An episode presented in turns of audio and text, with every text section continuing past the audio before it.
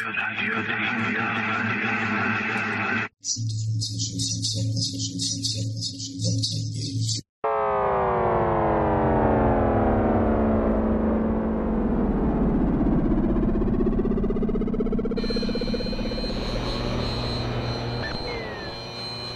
Serdecznie Was zapraszam do podcastowej audycji 3600 sekund, bo chcę wiedzieć. Jest to audycja z różnych dziedzin, m.in. takich jak starożytna archeologia, psychologia, medycyna, oficjalna jak i alternatywna. Jest to audycja mająca na celu uświadomić Tobie, drogi słuchaczu, że jest więcej niż mniej Przedstawia w niej zagadnienia z psychologii otoczenia człowieka, obserwacji otoczenia, biologii oraz mikrobiologii, jak i z każdej dziedziny w sposób migawkowy. To do Ciebie, drogi słuchaczu, należy, abyś przysiadł na ławeczce lub usiadł bujającym się w fotelu z kubkiem ciepłej i pysznej kawy i zadając pytania próbował sobie na nie odpowiedzieć na sobie własny sposób. I do tego bardzo serdecznie Cię zapraszam w tej audycji, audycji 3600 sekund, bo chcę wiedzieć. Serdecznie Was pozdrawiam i zapraszam do audycji.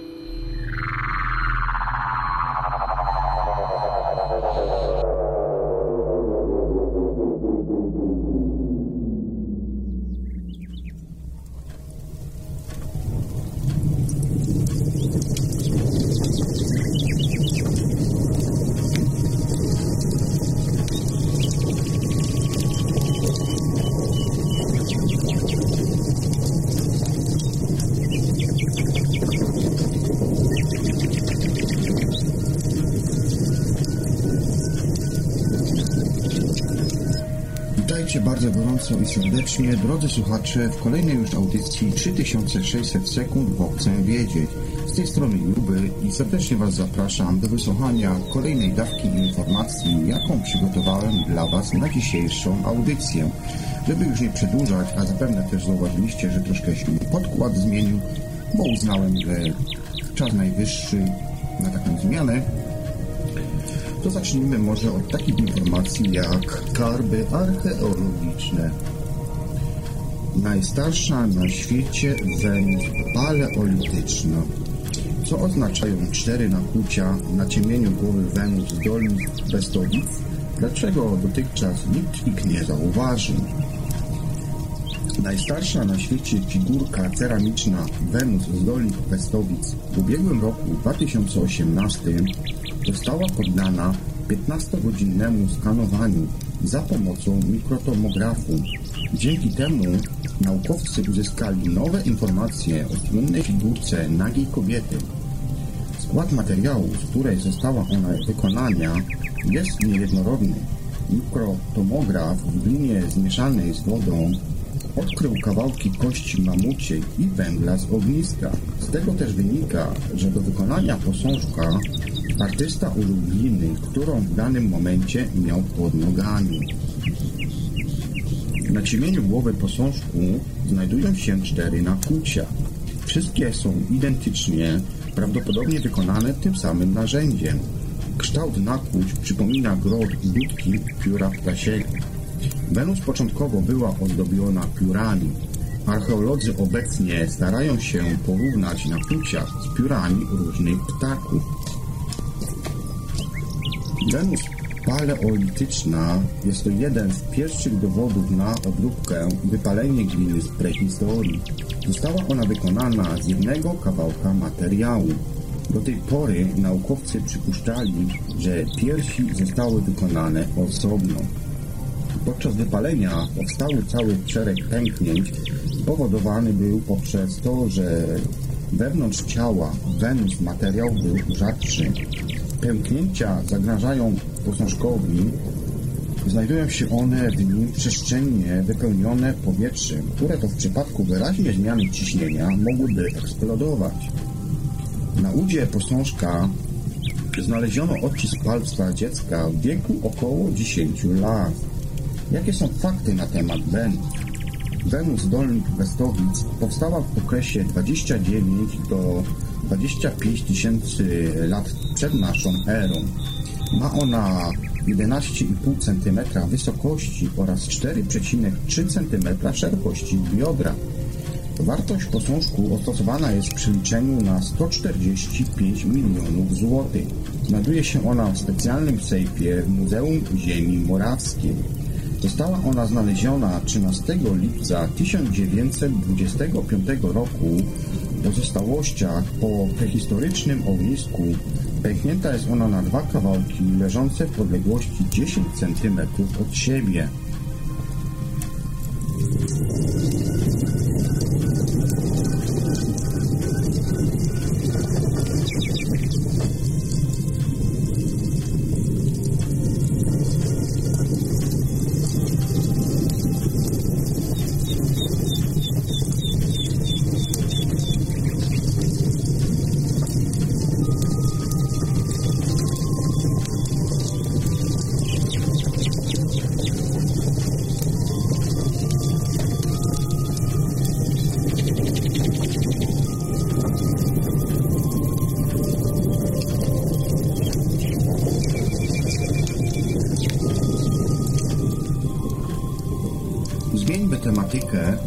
Przyjrzyjmy się jadowitym mordercom, a więc takim stworzeniom, które należy unikać.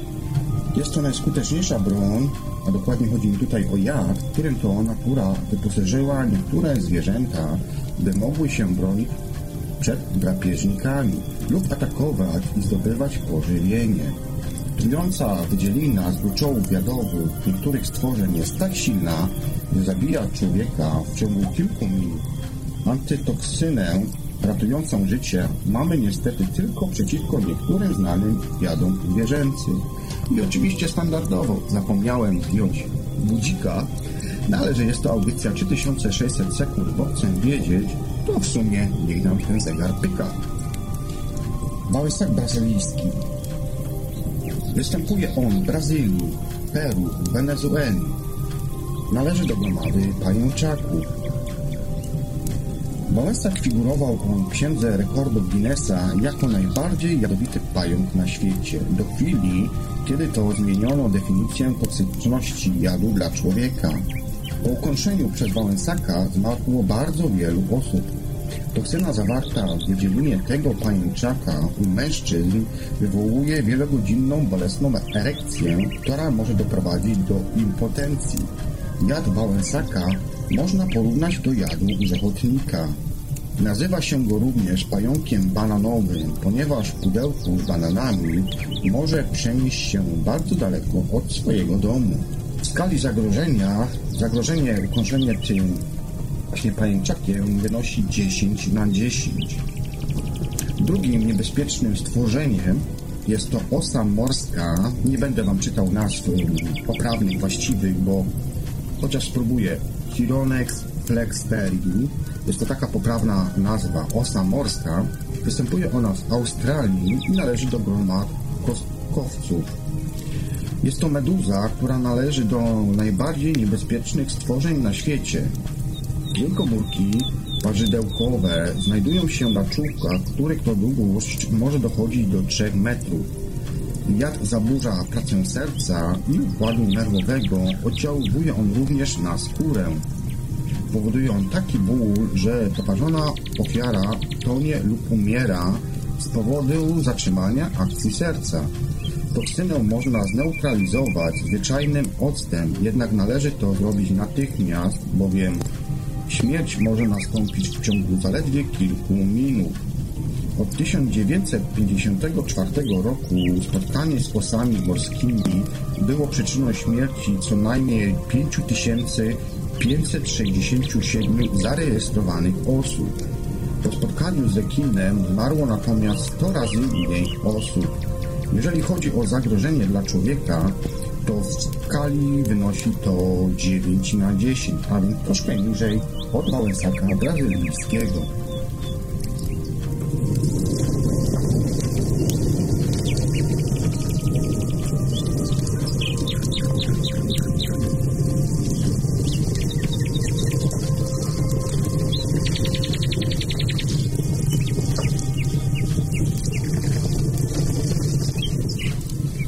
Kolejnym śmiertelnym stworzeniem jest to stożek marmurowy.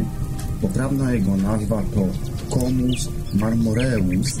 Rozmiary jego to 40 do 100 mm i występuje on w Zanzibarze, w Indiach, w Filipinach, w Oceanie Spokojnym. Gromada, do której on należy, jest to gromada ślimaków.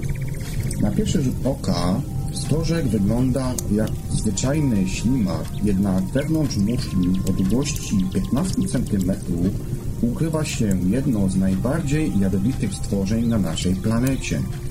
Jadu używa się zarówno do polowania, jak i do obrony. Symptomy zatrucia mogą pojawić się natychmiast lub nawet po kilku dniach.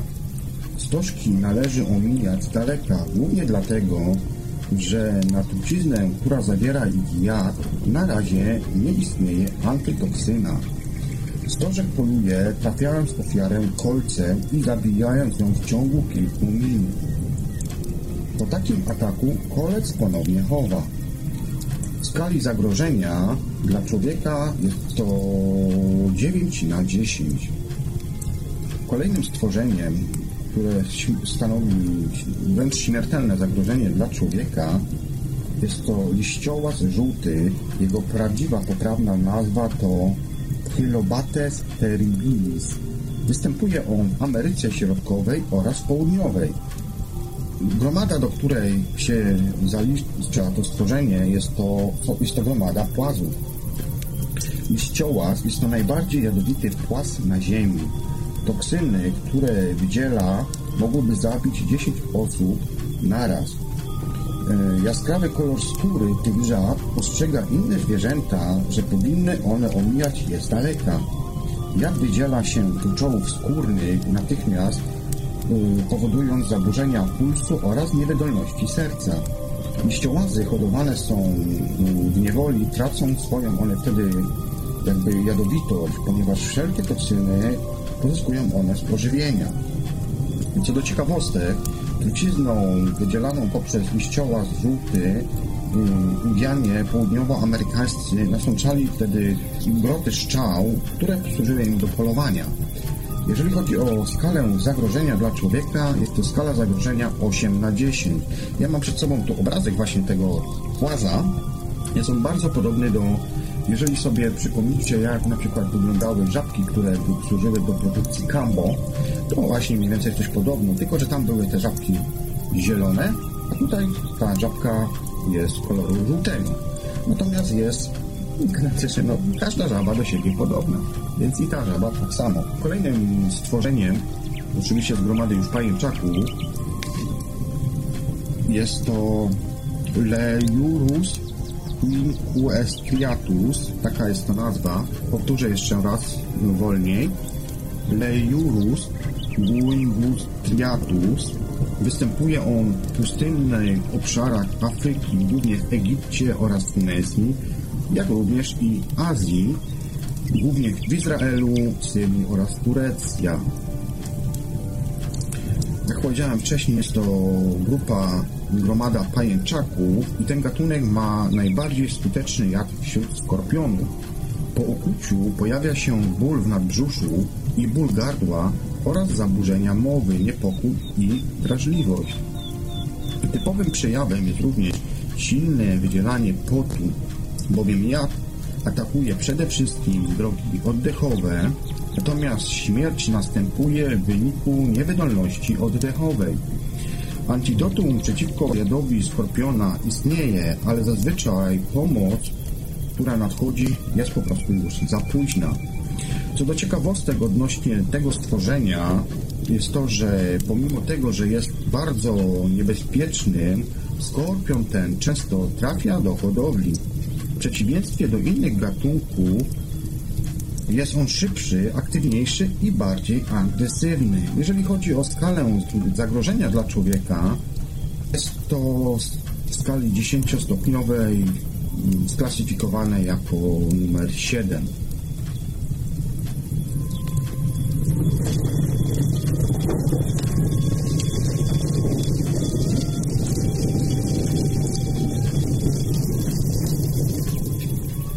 Kolejnym stworzeniem o bardzo niebezpiecznym dla człowieka skutku. Jest to szkaradnica. Poprawna jego nazwa to Synanceja verrucosa. Występuje ona w Ameryce Południowej, w Afryce oraz w Australii.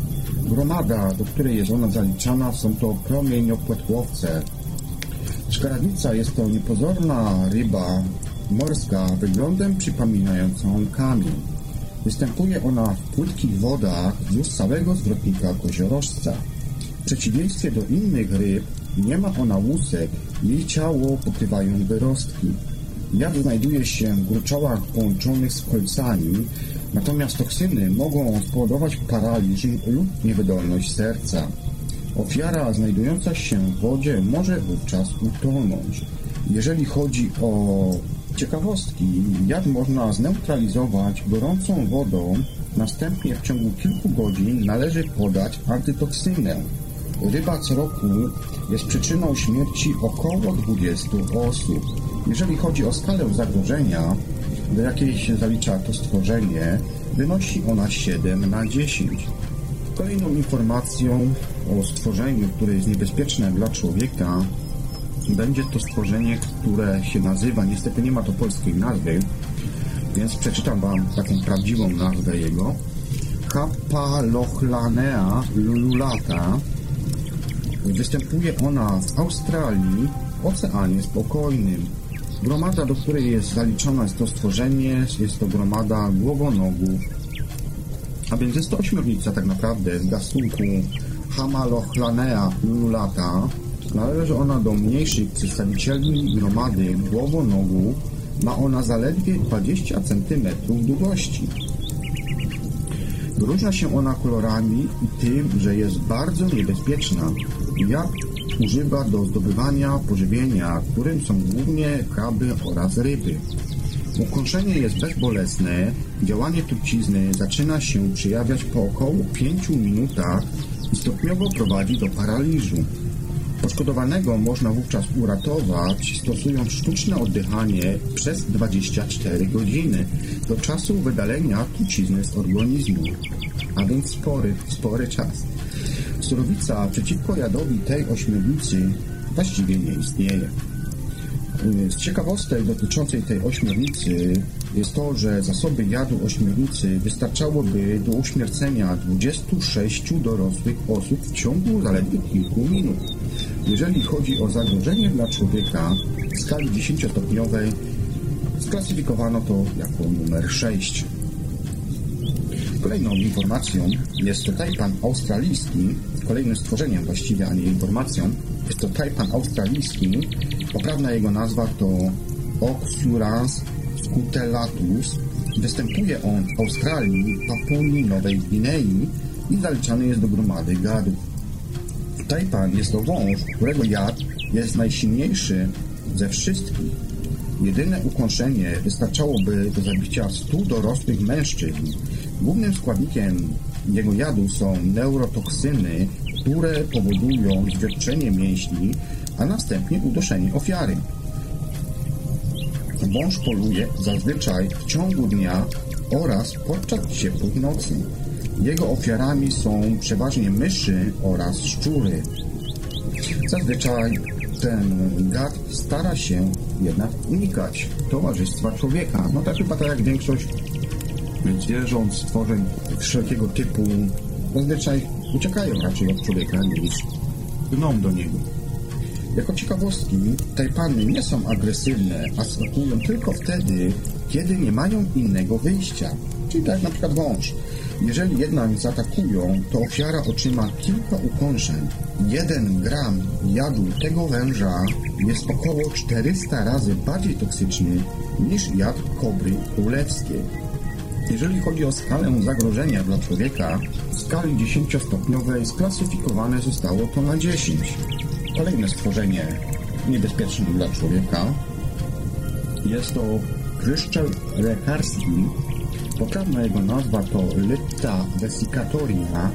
Występuje ona w Europie oraz w Chinach. Gromada, do której zostało to stworzenie zakwalifikowane, jest to gromada owadów. Pryszczele występują na drzewach i krzewach liściastych. Jadowite są wyłącznie samce. Działanie toksyny można porównać do działania iperytu. Po kontakcie z jadem na skórze powstają bolesne, ropiejące pęcherze. Jeżeli toksyna dostanie się do oczu, człowiek wówczas może stracić wzrok na zawsze. W razie spożycia następuje przekrwienie układu pokarmowego i uregenitalnego. Może wówczas też dojść do niewolności nerek oraz serca. Bryszczel jest bardziej znany pod nazwą hiszpańska mucha. W starożytności ze względu na działanie afrodyzjakalne z owadów tych sporządzano napoje miłosne. W skali zagrożenia dla człowieka plasuje się na stanowisku numer 4. Kolejnym stworzeniem, które jest niebezpieczne dla człowieka, będzie to stworzenie, które nazywa się fletowiec kapturowy. Fletowiec kapturowy, jego prawna nazwa to Pitochius dichrous. Występuje on w Nowej Gwinei i zaliczany jest do gromady ptaków. Jeszcze niedawno naukowcy sądzili, że ptaki to jedyna grupa zwierząt, której nie ma żadnych jadowitych gatunków. Jak się jednak okazuje, jest to nieprawda. Prowadząc badania ptaków śpiewających z rodzaju pitocholi, zauważyli, że po wejściu w kontakt z ptakami dają objawy zatrucia. Okazało się, że pierze oraz skóry oraz niektóre ich narządy tych fletowców zawierają te same toksyny, co żaby liściołazowe. Jeżeli chodzi o ciekawostki, to fletowce, tak samo jak jadowite żaby, pozyskują toksyny z pożywienia. Konkretnie zjadając owady, chrząszcze, choresinę z rodziny Meliradae. Jeżeli chodzi o skalę zagrożenia, to wynosi to 2 na 10 i ostatnie już korzenie, które jest niebezpieczne dla człowieka, będzie to Varans komodo. Poprawna jego nazwa to Varanus komodoensis. Występuje on w komodo Blinka florezgili dasami. Gromada, do której zaliczane to stworzenie jest, jest to gad. Należy on do największych żyjących jaszczurek. Pożywienie to jelenie, świnie, dziki oraz bawoły. Przez wiele lat naukowcy zauważali, że jad zawarty jest w ślinach baranów i produkują go bakterie. Jednak jest on wytwarzany w gruczołach jadowych i znajduje się w dolnej szczęce gadu. Po ugryzieniu syny zapobiegają krzepnięciu krwi, co sprawia, że ofiara zazwyczaj szybko wykrwawia się i opada z ślin. Z ciekawostek dotyczących y, tego gada to to, że warany odnajdują ofiarę za pomocą węchu. Martwe lub umierające zwierzę e, są w stanie wywęszyć nawet z odległości prawie 10 km. Zagrożenie, jakie stanowi to dla człowieka, jest to 1 na 10 kali tej baśni, którą Wam przedstawiłem. To będzie tyle z tych zwierząt, które Wam przygotowałem. Za chwilkę przejdziemy do już innych informacji z innej dziedziny.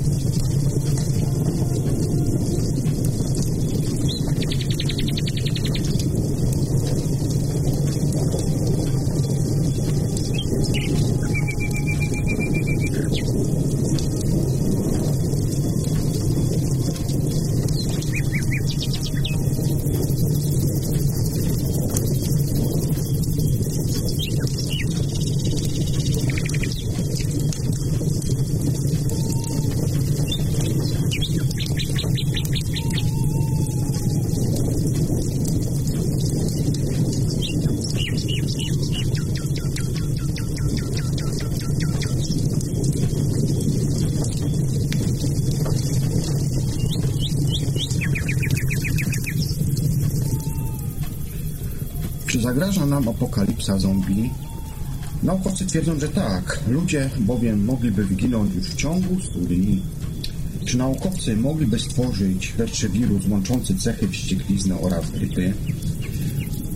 Opracowanie takiego wirusa, które zamieniłoby istotę ludzką w mordercze monstrum zagrażające innym, jest oczywiście możliwe już w dzisiejszych czasach. Byłoby to połączenie kilku znanych wirusów. Tak twierdzi amerykański mikrobiolog Karl Chandran. Zombie, czyli w tym przypadku ludzie, którzy zarażają się od innych śmiertelną chorobą, mogliby spowodować wyginięcie społeczeństwa w bardzo krótkim czasie. Naukowcy z Uniwersytetu w brytyjskim mieście Leicester opracowali wzór do obliczania rozprzestrzeniania się śmiercionośnej infekcji. Na jego podstawie też szacują, że po 100 dniach od momentu rozpoczęcia apokalipsy zombie zostałoby jedynie 100 niezarażonych ludzi. W ciągu kolejnych 6 miesięcy również one zmarłyby albo by zostały zainfekowane. Zatem powstaje pytanie, czy powinniśmy się tak naprawdę obawiać?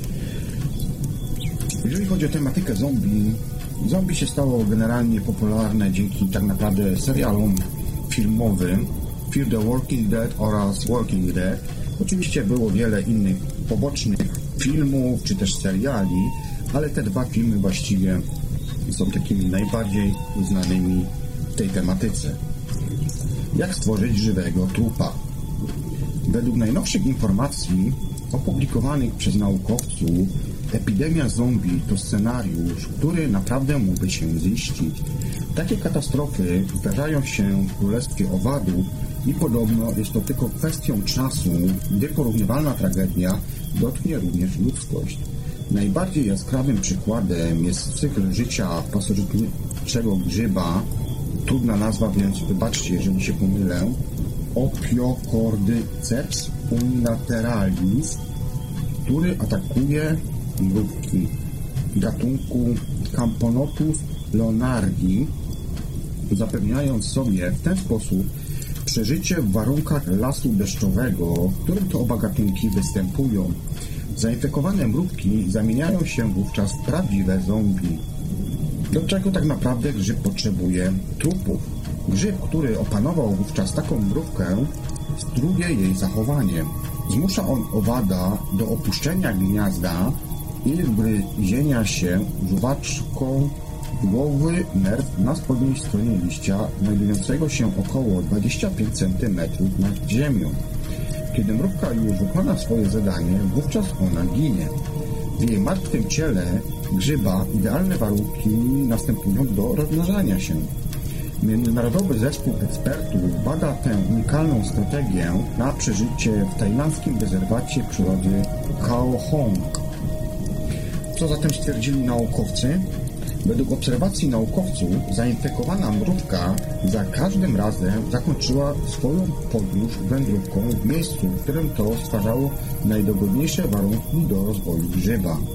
Wszystkie znalezione owady wisiały za szczękę na spodniej stronie liścia, dającego cień i chroniącego przed opadami deszczu. Grzyb stworzył z mrówek posłuszne zombie, które następnie wykorzystał jako źródło pożywienia, ochrony oraz środku transportu. Owady posłużyły również roślinie do zapewnienia przetrwania gatunku. Zachowanie obcego z horroru. Tak naukowcy, którzy przenieśli kilka zainfekowanych mrówek w inne miejsca, byli zaskoczeni tymi wynikami, ponieważ grzyb tak naprawdę nie poradził sobie z nowym miejscem. Zdrowe owocniki z zarodnikami powstały tylko w miejscach, gdzie umarły nieprzeniesione mrówki. Grzyb zachowuje się niczym obcy z horroru. Kiedy znów zmusił on mrówkę do gryzienia się w liść w odpowiednim środowisku, w jej martwym ciele zaczną wtedy rozrastać się podobne do korzeni skrzępki i tworzyć grzywnię, która po kilku dniach przebije egzoszkielet owada. Zawsze w tym samym miejscu, na tylnej części głowy mrówki, wyrasta coś w rodzaju członka z owocnikiem. Po tygodniu okrągły owocnik na członku jest już dwukrotnie większy od mrówki i zaczyna wyrzucać zarodniki. Spadają one na ziemię, a pod liściem z martwym owadem powstaje śmiertelnie niebezpieczna strefa o rozmiaru około 1 metra kwadratowego. Każda mrówka, która do niej wstąpi, jest skazana na śmierć. Wkrótce też stanie się ona kolejnym żywym trupem zombie. Mrówki nie wgryzają się w liść własnej woli. Są do tego zmuszane. Każda, która zarazi się sporami grzyba, wydaje na siebie wyrok śmierci. Zainfekowany owad nie jest w stanie uciec w bezpieczne miejsce, ponieważ jego mięśnie zostają sparaliżowane za pomocą toksyn. Opiocordyceps unilateralis atakuje w ten sposób również inne gatunki owadów, ale tylko mrówki z gatunku Camponotus leonardi potrafią sterować tak niezawodnie. Człowieka na szczęście na razie ten grzyb omija. Jak zatem przeżyć taką apokalipsę zombie?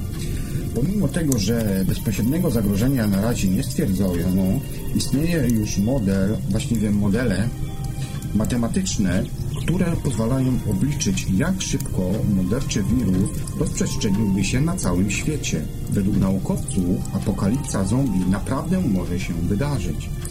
Takiej groźby nie lekceważy nawet amerykańskie Ministerstwo Obrony, które w 2011 roku przygotowało projekt strategiczny pod kryptonimem Complan 8888, który to został niedawno ujawniony.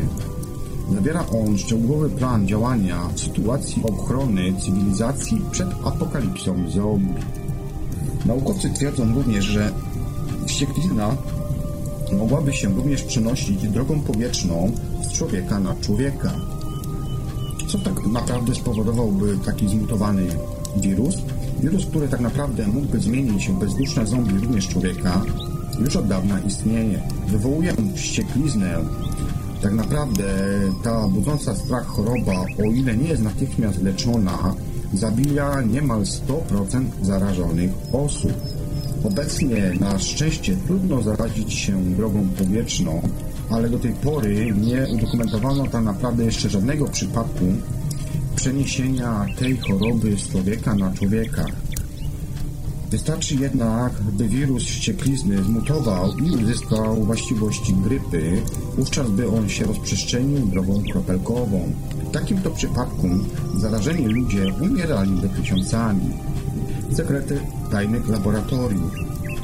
Naukowcy prawdopodobnie już potrafią stworzyć zabójczą kombinację wirusa, wścieklizny i grypy w warunkach laboratoryjnych. Tak uważa amerykański probiolog Kartik Handra. Opracowanie hybrydowego wirusa, które zamieniłoby istotę ludzką w mordercze monstrum zarażające innych, jest oczywiście już możliwe. Byłoby to połączenie kilku znanych wirusów. Taki wówczas mutant mógłby powstać w laboratorium lub pojawić się w wyniku ewolucjonizmu. Tak twierdzi pan Kartik Handra. Zainfekowani ludzie oczywiście nie wstawaliby z grobów, tak jak na przykład w znanych horrorach, ale z pewnością zarażaliby oni wszystkie osoby, które znajdowałyby się w pobliżu. Tak naprawdę nie da się uciec przez taką chorobą, bo więc taka pandemia rozprzestrzeniałaby się bardzo, bardzo szybko. Jeżeli wirus przenosi się drogą powietrzną, to zagrożenie infekcją występuje praktycznie wszędzie. Wszystko, czego dotknie zarażony człowiek, jest potencjalnie toksyczne, łącznie z powietrzem, którym oddycha. Kanadyjski matematyk właśnie tak twierdzi, który nazywa się mm, Robertem Smithem. Pochodzi on oczywiście z kanadyjskiego Uniwersytetu w Ottawie. Jest on specjalistą od matematyki. Stworzył on model rozprzestrzeniania się takich właśnie chorób zakaźnych. Przed infekcją nie można jednak uciec. Każdy człowiek bowiem w krótkim czasie zamieni się w śmiertelnie niebezpieczne monstrum. Według Roberta Smitha Uniwersytetu w Ottawie w takiej sytuacji istnieje tylko jedna możliwość uratowania ludzkości.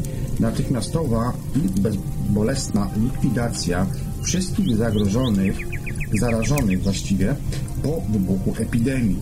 Jeżeli przeżyje choćby jedna zarażona, zainfekowana osoba, wywoła ona kolejną falę nieśmiertelnych chorób. Pozostaje wtedy pytanie natury moralnej, czy ludzie byliby w stanie dopuścić do takiej masakry? W takim przypadku ofiarami nie byłyby tylko groteskowe zombie zwane z filmów, ale również żywi współobywatele, zarażeni zmutowanymi wirusami wścieklizny. Jeżeli sobie oglądniecie, bądź oglądaliście film um, Walking Dead, The Walking Dead vs. Fear the Walking Dead, to tam widzicie, jakie przychodziły, będziecie widzieli albo zobaczycie, jakie właśnie główni bohaterowie mieli problemy moralne, kiedy na przykład trzeba było zabić um, kogoś ze swoich współtowarzyszy. Jak przeżyć zatem?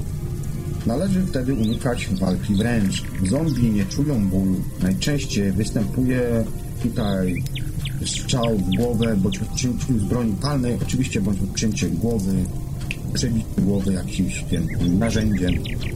Należy wówczas również milczeć, tak to macie w filmach pokazane, ponieważ zombie charakteryzują się złą pamięcią i trudno im się skoncentrować. Należy jednak odwrócić uwagę, na przykład podłożyć ogień i szybko z tamtego miejsca uciec.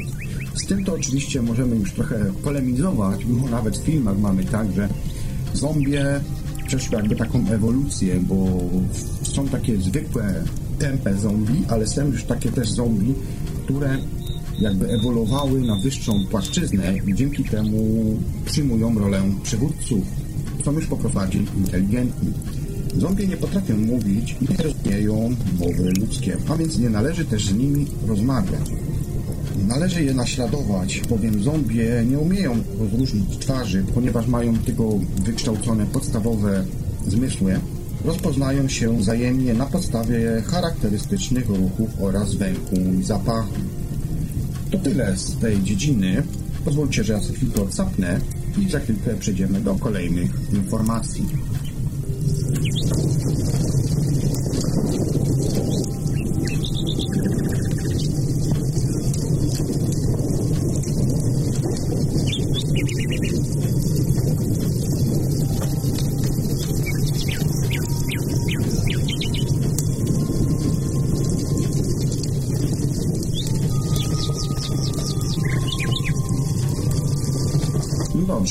Co takiego się dzieje na naszym poletku polskim?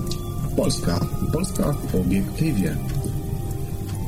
Jedną z takich informacji, którą Wam tutaj przedstawię, jest na przykład to, że w Gdańsku są przeprowadzane pewne eksperymenty, które będą przeprowadzane w kosmosie. Studenci Politechniki Gdańskiej zakwalifikowali się do programu Rexus Pexus Europejskiej Agencji Kosmicznej. Dzięki temu będą mogli oni przeprowadzić własny eksperyment w kosmosie związany z badaniem drgań oraz przepływu ciepła podczas lotu rakiety suborbitalnej.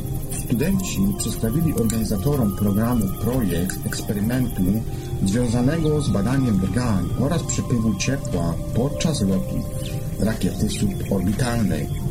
W lutym 2018 roku studenci, powiem Wam szczerze, że nie sprawdziłem, ale prawdopodobnie polecieli do kosmodromu Esrange nieopodal Kiruny północnej Szwecji, by poszerzyć wiedzę niezbędną do wykonania swojego eksperymentu kosmicznego. Start rakiet eksperymentem zaplanowany jest na początek 2019 roku. Do konkursu ustały bowiem wiele zespołów z kilkudziesięciu uczelni z całej Europy. Zakwalifikowanie jednak zostanie tylko kilka tych najlepszych.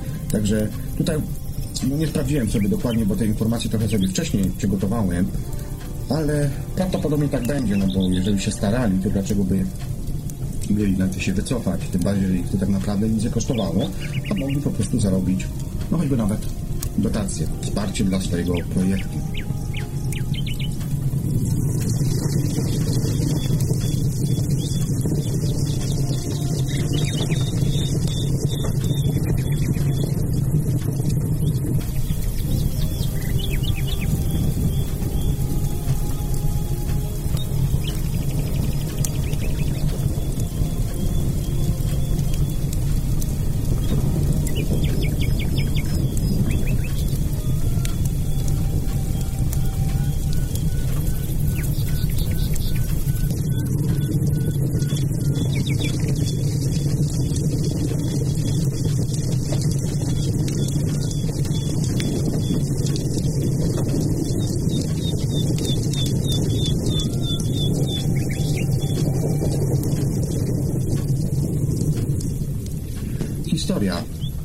Kolejna część świątyni Hatshepsut będzie otwarta dla zwiedzających.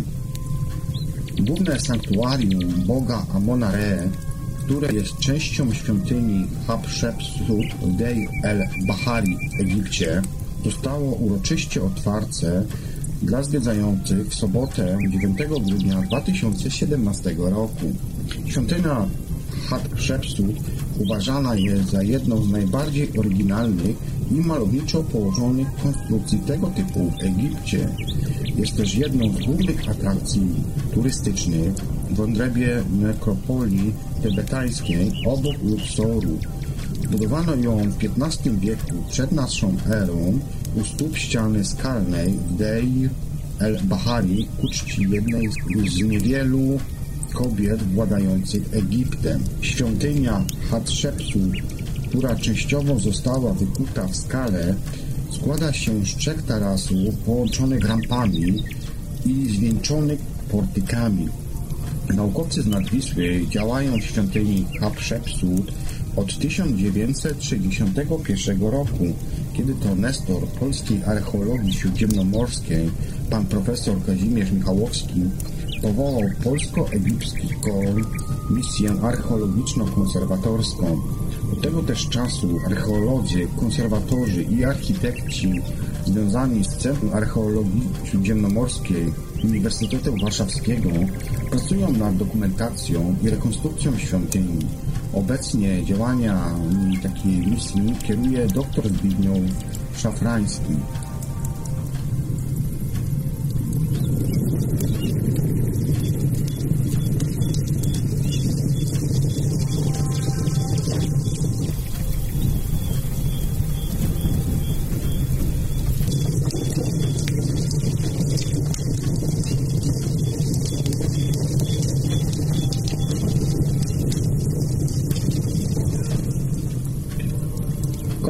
Informacja z poletka człowieka. Miłość ma związek z liczbą dzieci. Tak, dokładnie, bowiem to udowodnili Polacy, bowiem oni podjęli się badaniu tego fenomenu. Czy w kulturach tradycyjnych pary, które rzeczywiście się kochają, mają więcej dzieci? Zbadali to na przykładzie ludu w Tanzanii, m.in. polscy badacze.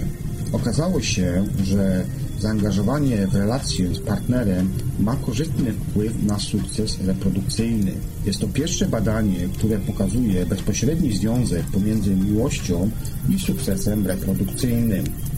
Badania, które zostały, a właściwie były kierowane przez profesora Piotra Sorokowskiego z Uniwersytetu Wrocławskiego, ukazały się m.in. w takich czasopismach jak Frontiers in Psychology. Jak on twierdzi, ten pan profesor, Piotr Sorokowski, cytuję, mieliśmy hipotezę, że pary, które bardziej się kochają, będą miały więcej potomstwa. Koniec cytatu. Wyjaśnia, że badanie takie ma sens tylko w kulturach tradycyjnych, gdzie nie stosuje się jeszcze kontroli prozroczystości.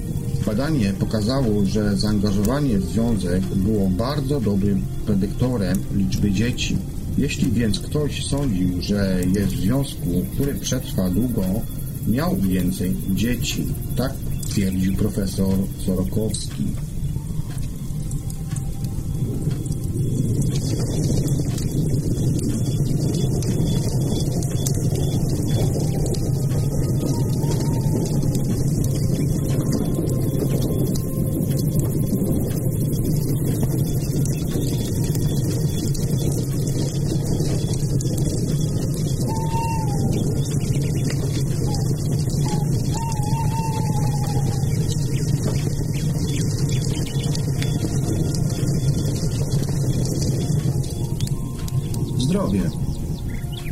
Wciąż nie wiedzą, jak zażywać suplementy diety.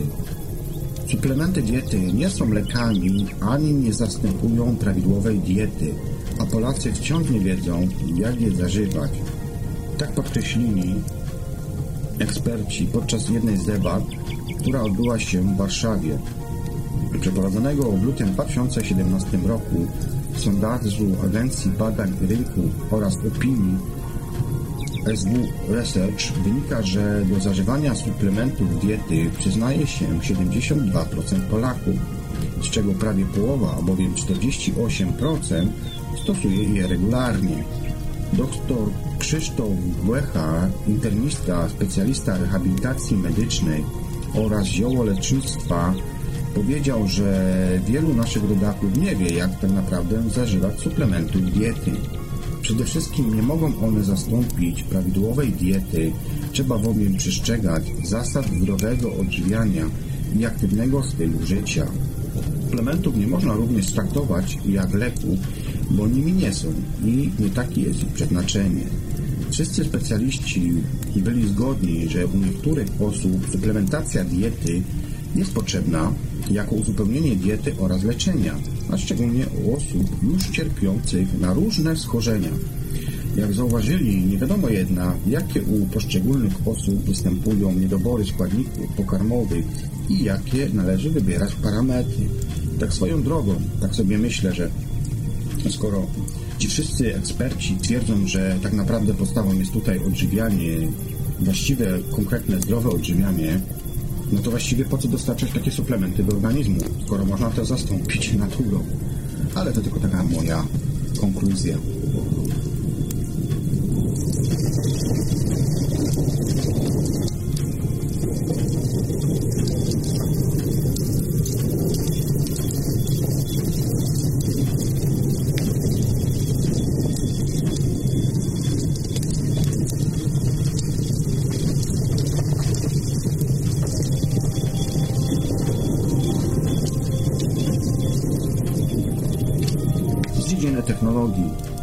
Diamentowy czujnik szybko wykryje infekcję. Nieduży czujnik, który od razu wykryje na przykład w ślinie badanego patogeny wywołujące groźne dla zdrowia infekcje, może ustrzec lekarzy przed przypisywaniem antybiotyków tam, gdzie nie ma to, na to sensu.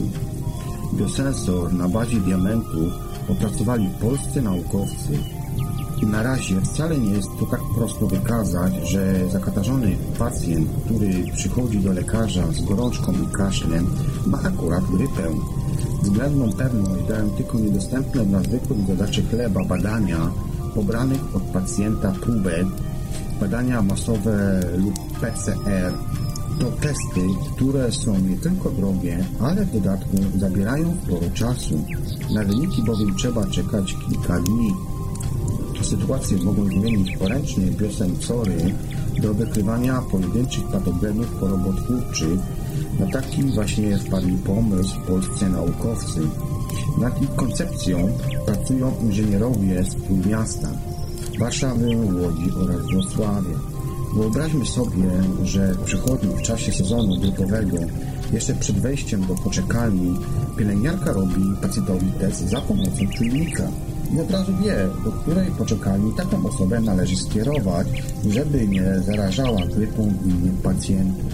Tak twierdzi jeden z naukowców takich badań, profesor Robert Bogdanowicz z Politechniki Gdańskiej. Tak swoją drogą, moją konkluzją. No tak, wszędzie mamy Wi-Fi, wszędzie mamy jakieś fale, jeszcze dajcie nam do organizmu, wszczepcie implanta, to już wtedy na pewno wszyscy będziemy zdrowi. Czy nie uważacie, że to jest trochę chore, że w jakimś nienormalnym kierunku podążamy wszyscy. Ja przynajmniej tak do takich wniosków i konkluzji dochodzę, no ale to opinię oczywiście pozostawiam Wam. Ja tylko czytam informacje, a Wy powinniście użyć swojego rozumu, aby to wszystko przeanalizować i wyrobić swoje własne poglądy.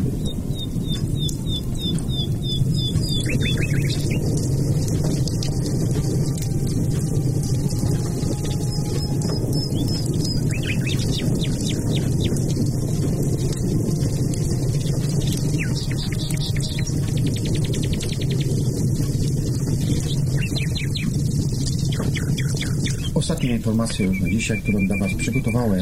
Największy oszust w historii. Bernie Madoff. Bernard Madoff, król Wall Street oraz człowiek, któremu swoje oszczędności powierzyło kilka tysięcy inwestorów. Przez prawie 50 lat zarządzał on pieniędzmi swoich klientów niemal tyle samo lat i okradał. Dlaczego dochodziło mu to tak długo i jak to się tak naprawdę skończyło? Posłuchajcie tej historii. Madow wykorzystał tak naprawdę schemat Ponziego. Został on oczywiście skazany już po tym wszystkim na 150 lat więzienia, ale na czym polegał ten cały schemat Ponziego? Schemat Ponziego to piramida finansowa lub też nazywany właśnie schematem Ponziego, które służy do określenia oszustwa finansowego polegającego na pozyskiwaniu inwestorów, którzy to powierzają swoje pieniądze zarządzającemu funduszem, oczekując dużych zysków. Jednak on pozyskanych środków nie inwestuje. Zamiast tego wypłaca on zyski tylko niektórym inwestorom, zazwyczaj tym, którzy wpłacili pieniądze wcześniej. Taki schemat może działać tylko przez pewien czas, dopóki przybywa nowych inwestorów. Największą taką piramidą finansową w historii stworzył właśnie Madoff. Czy Wam to czegoś nie przypomina? Amber Gold, te wszystkie sprawy w Polsce? Bernard Leon Madoff pochodzi z rodziny, której zawsze interesowano się inwestycjami giełdowymi, zwłaszcza sektorem funduszy inwestycyjnych. Młody Bernie, który skończył studia w zakresie nauk politycznych na Hofstraat University, rozpoczął działalność właśnie w tej dziedzinie.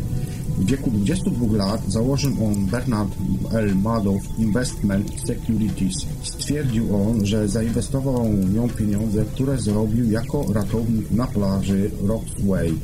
W rzeczywistości jednak 50 tysięcy dolarów na założenie firmy pożyczył mu jego ojciec.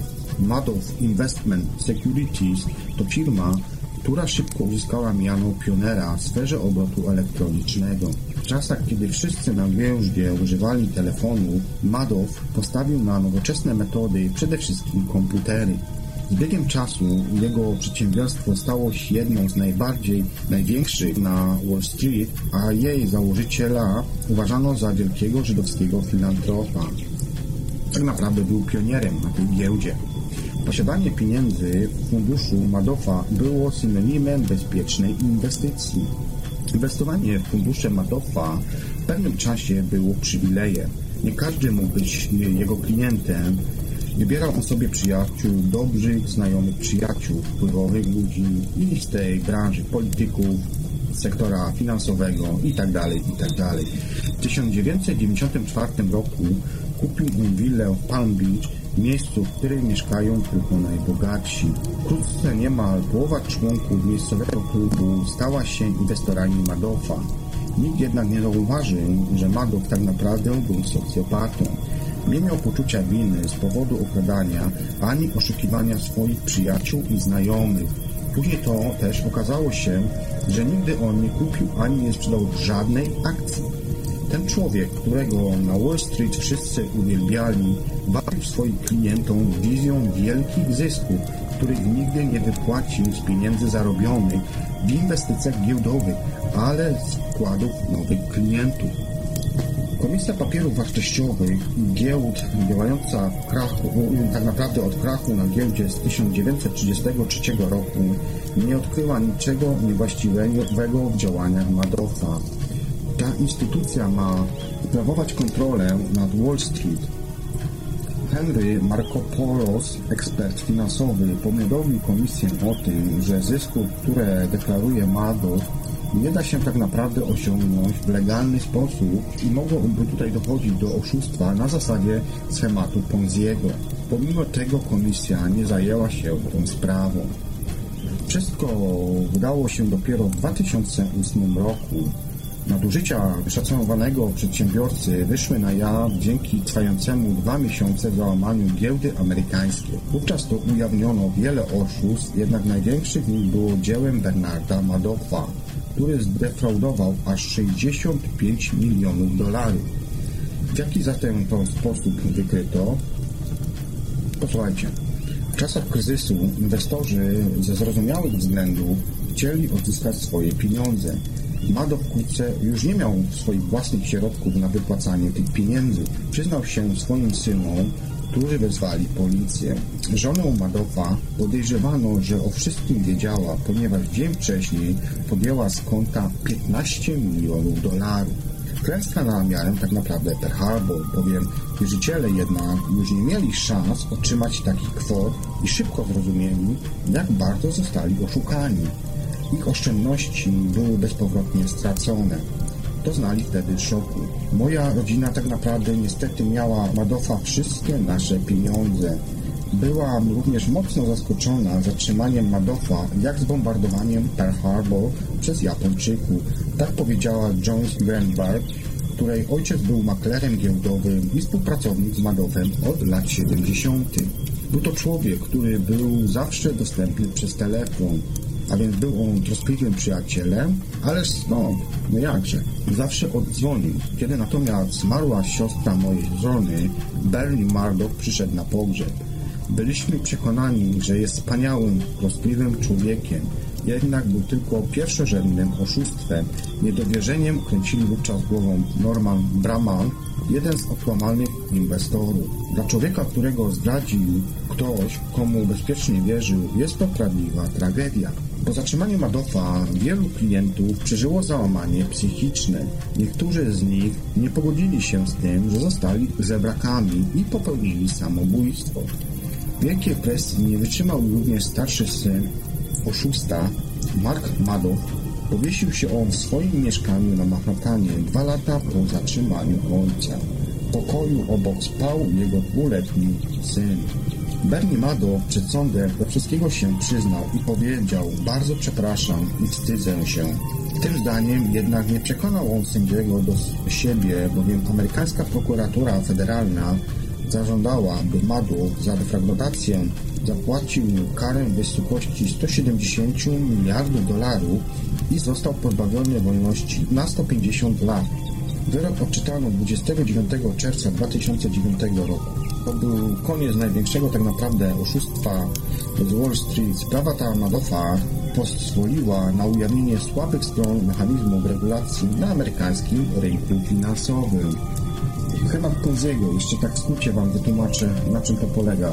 Schemat został nazwany imieniem Charlesa Ponziego, włoskiego oszustwa, który na początku lat 20. ubiegłego XX wieku zdobył wątpliwą sławę w Ameryce Północnej. Wyłudził od ludzi około 20 milionów dolarów, za które to miał w Europie kupić tanie międzynarodowe kupony na odpowiedź. Te kupony później chciał zamienić na amerykańskie znaczki pocztowe, które sprzedawałyby z dużym zyskiem. W rzeczywistości jednak wcześniejszym inwestorom wypłacał zyski ze środków otrzymanych od osób, które inwestowały pieniądze. W skrócie tak naprawdę chodzi o kradzież. Także widzicie, jakie jest tutaj przekłamanie w świecie. To tak naprawdę i rządzi, i okrada tych wszystkich ludzi. Generalnie są to psychopaci. Jeszcze tak powiem Wam tutaj w skrócie, że 65 miliardów jest to kwota, którą oczywiście Madoff okradł klientów. Dobrze, skończmy już na dzisiaj tą informacją. Dziękuję Wam za wysłuchanie kolejnej audycji 3600 sekund bokcem wiedzieć. Ja Wam serdecznie jeszcze raz dziękuję. Zapraszam Was już na następną audycję. Mam nadzieję, że Wam się podobała. Warunki są dość ciężkie, bo mamy pełni lato w tym momencie, kiedy audycję dla Was nagrywam, jako podcast. Także strasznie się pocę i czasami mogą wystąpić jakieś błędy słowne, ale wybaczcie mi to, no niestety te nazwy łacińskie i te wszystkie inne nazwy są trudne do wymówienia, ale staram się, widzicie, że chyba jest postęp jednak w tych. Także cóż, ja Wam dziękuję w takim razie dzisiaj za wysłuchanie mnie w tej audycji. Zapraszam jeszcze raz, jak powiedziałem wcześniej, na kolejną audycję, a tymczasem trzymajcie się i do następnego razu. Bądźcie zdrowi. Hej, cześć.